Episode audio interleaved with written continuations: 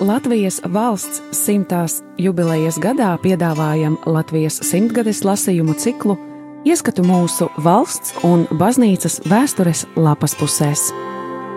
Julians Vaivots Septiņi mēneši Liepājas cietoksnī. No 1944. gada 9. oktobra līdz 1945. gada 9. maijam.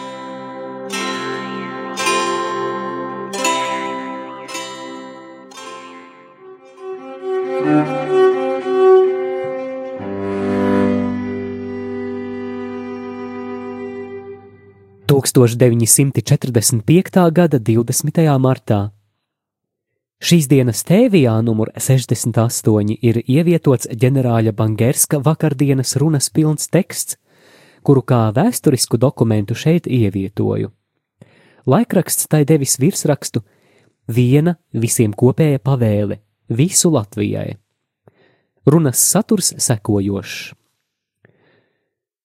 Sirsnīgi pateicos par karavīru un tautas nestiem sveicieniem, kas dod man un Nacionālajai padomē morālisku atbalstu ķerties pie ārkārtīgi grūta un atbildīgā pienākuma pildīšanas.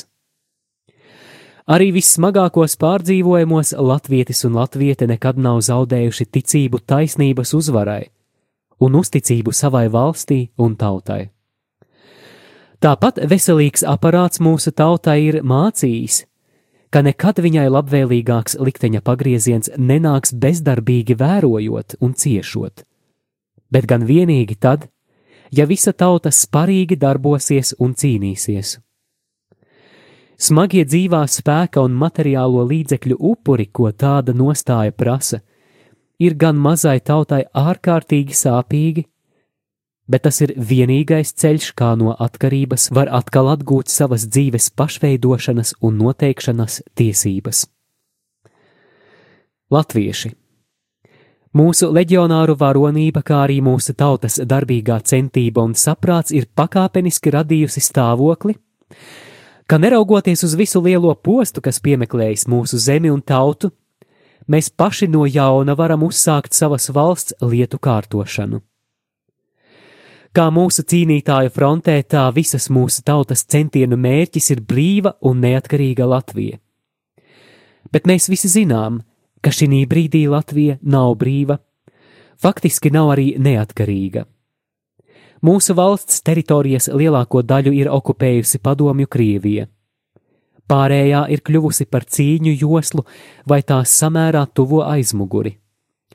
Tāpēc arī to, ko mēs šai atlikušajā teritorijas daļā varam darīt, vispirmā kārtā nosaka kara vajadzības un kara intereses.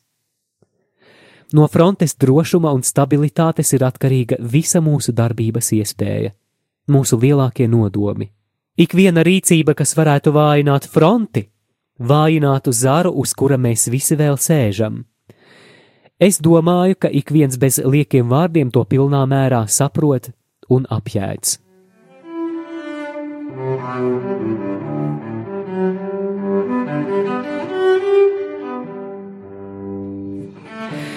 Latvijas Nacionālās komitejas dibināšana un viņas stāšanās pie vadības tāpēc nevar kā ar burvja mājienu novērst visas grūtības, kas saistītas ar kara apstākļu un frontes stāvokļa radītām prasībām.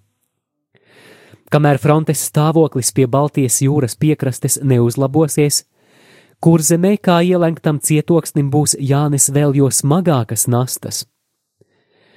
Mums jāsaprot pašreizējie apstākļi un jānāk pretī frontes prasībām ar visu savu sirdi, dodot visu, ko varam.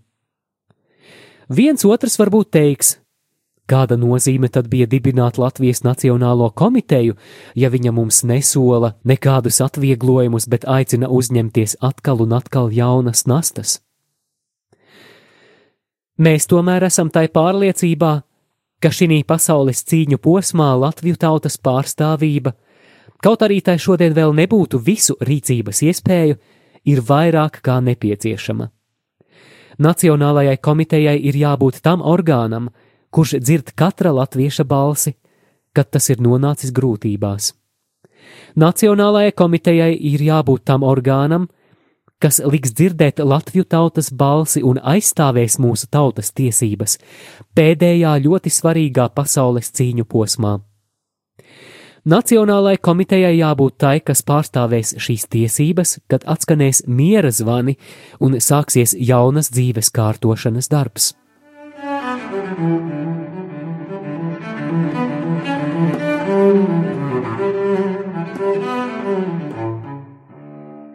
Par to, ka mums radusies iespēja uzsākt savu darbību, pārņemot Latviju tautas vadību šeit, kurzemē, un kārtot latviešu lietas tur, Lielvācijā, ka mums būs iespēja aizstāvēt Latviju tautas intereses pie jaunas dzīves izveidošanas.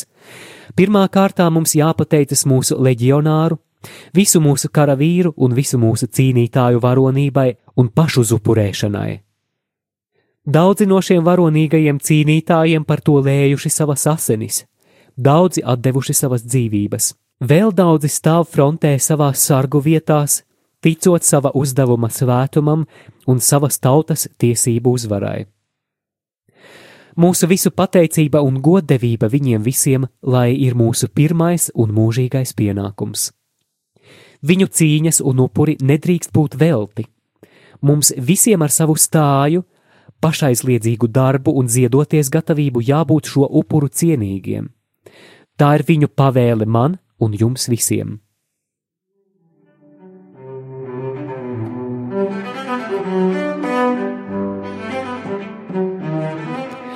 Sirsnīga pateicība un godevība, lai ir Lielvācijai, tās vadonim un varonīgajiem bruņotajiem spēkiem, vācu tautas upuri un asinis, kas ziedoti pret kopējo austrumu ienaidnieku, Latviju tautā ir svēti un dārgi un mūžīgi godā turami. Kritušo varoņu miesas atdusas neskaitāmos brāļu kapos, bet viņu gars, lai dzīvo mūsu vidū kā visaugstākais tautas spēks un brīvības gribas apliecinājums. Lai īsā klusuma brīdī mūsu visu domas ir pie viņiem, lai godinām viņu piemiņu klusuma brīdis.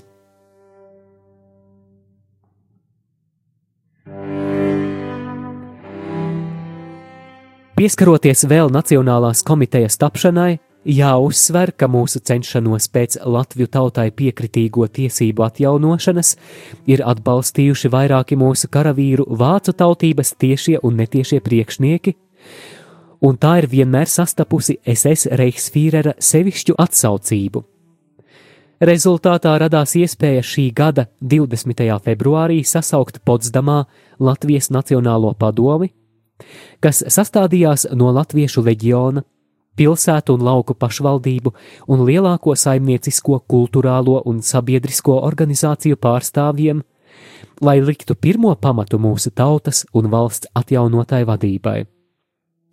Latvijas Nacionālā padome vienprātīgi atzina, ka tas pārvaldības veids, kādā 1940. gadā tika pārtraukta mūsu valsts dzīve, ir vispiemērotākais arī pašreizējiem apstākļiem, un izraudzīja mani par Latvijas Nacionālās komitejas, pagaidu valdības prezidentu ar līdzīgām tiesībām un pienākumiem, kas piekrita valsts un ministru prezidentam to likumu garā, kādi bija spēkā 1940. gada 17. jūnijā.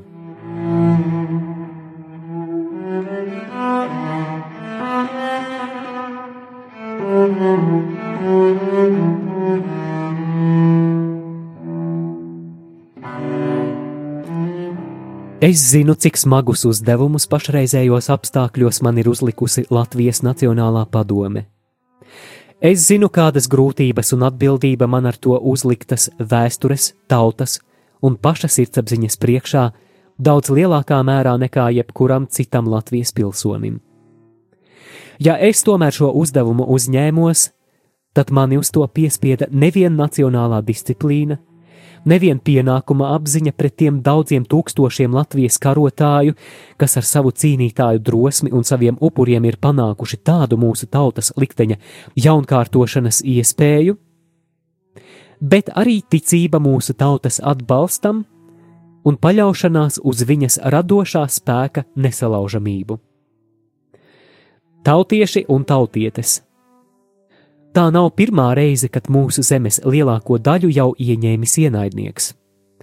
Tā nav pirmā reize, kad mūsu tauta nosiņojusi, izkaisīta un padarīta nabaga.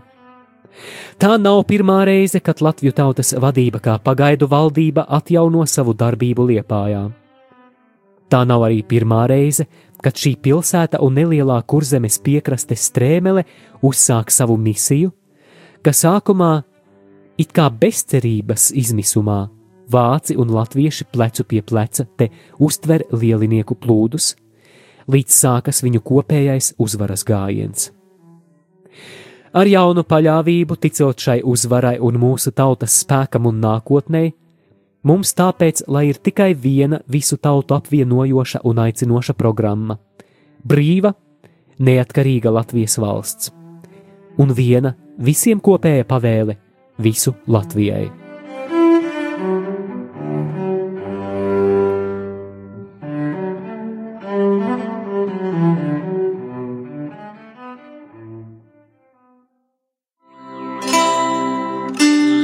Radio Marija Latvija ēterā Latvijas simtgadēji veltīti lasījumi.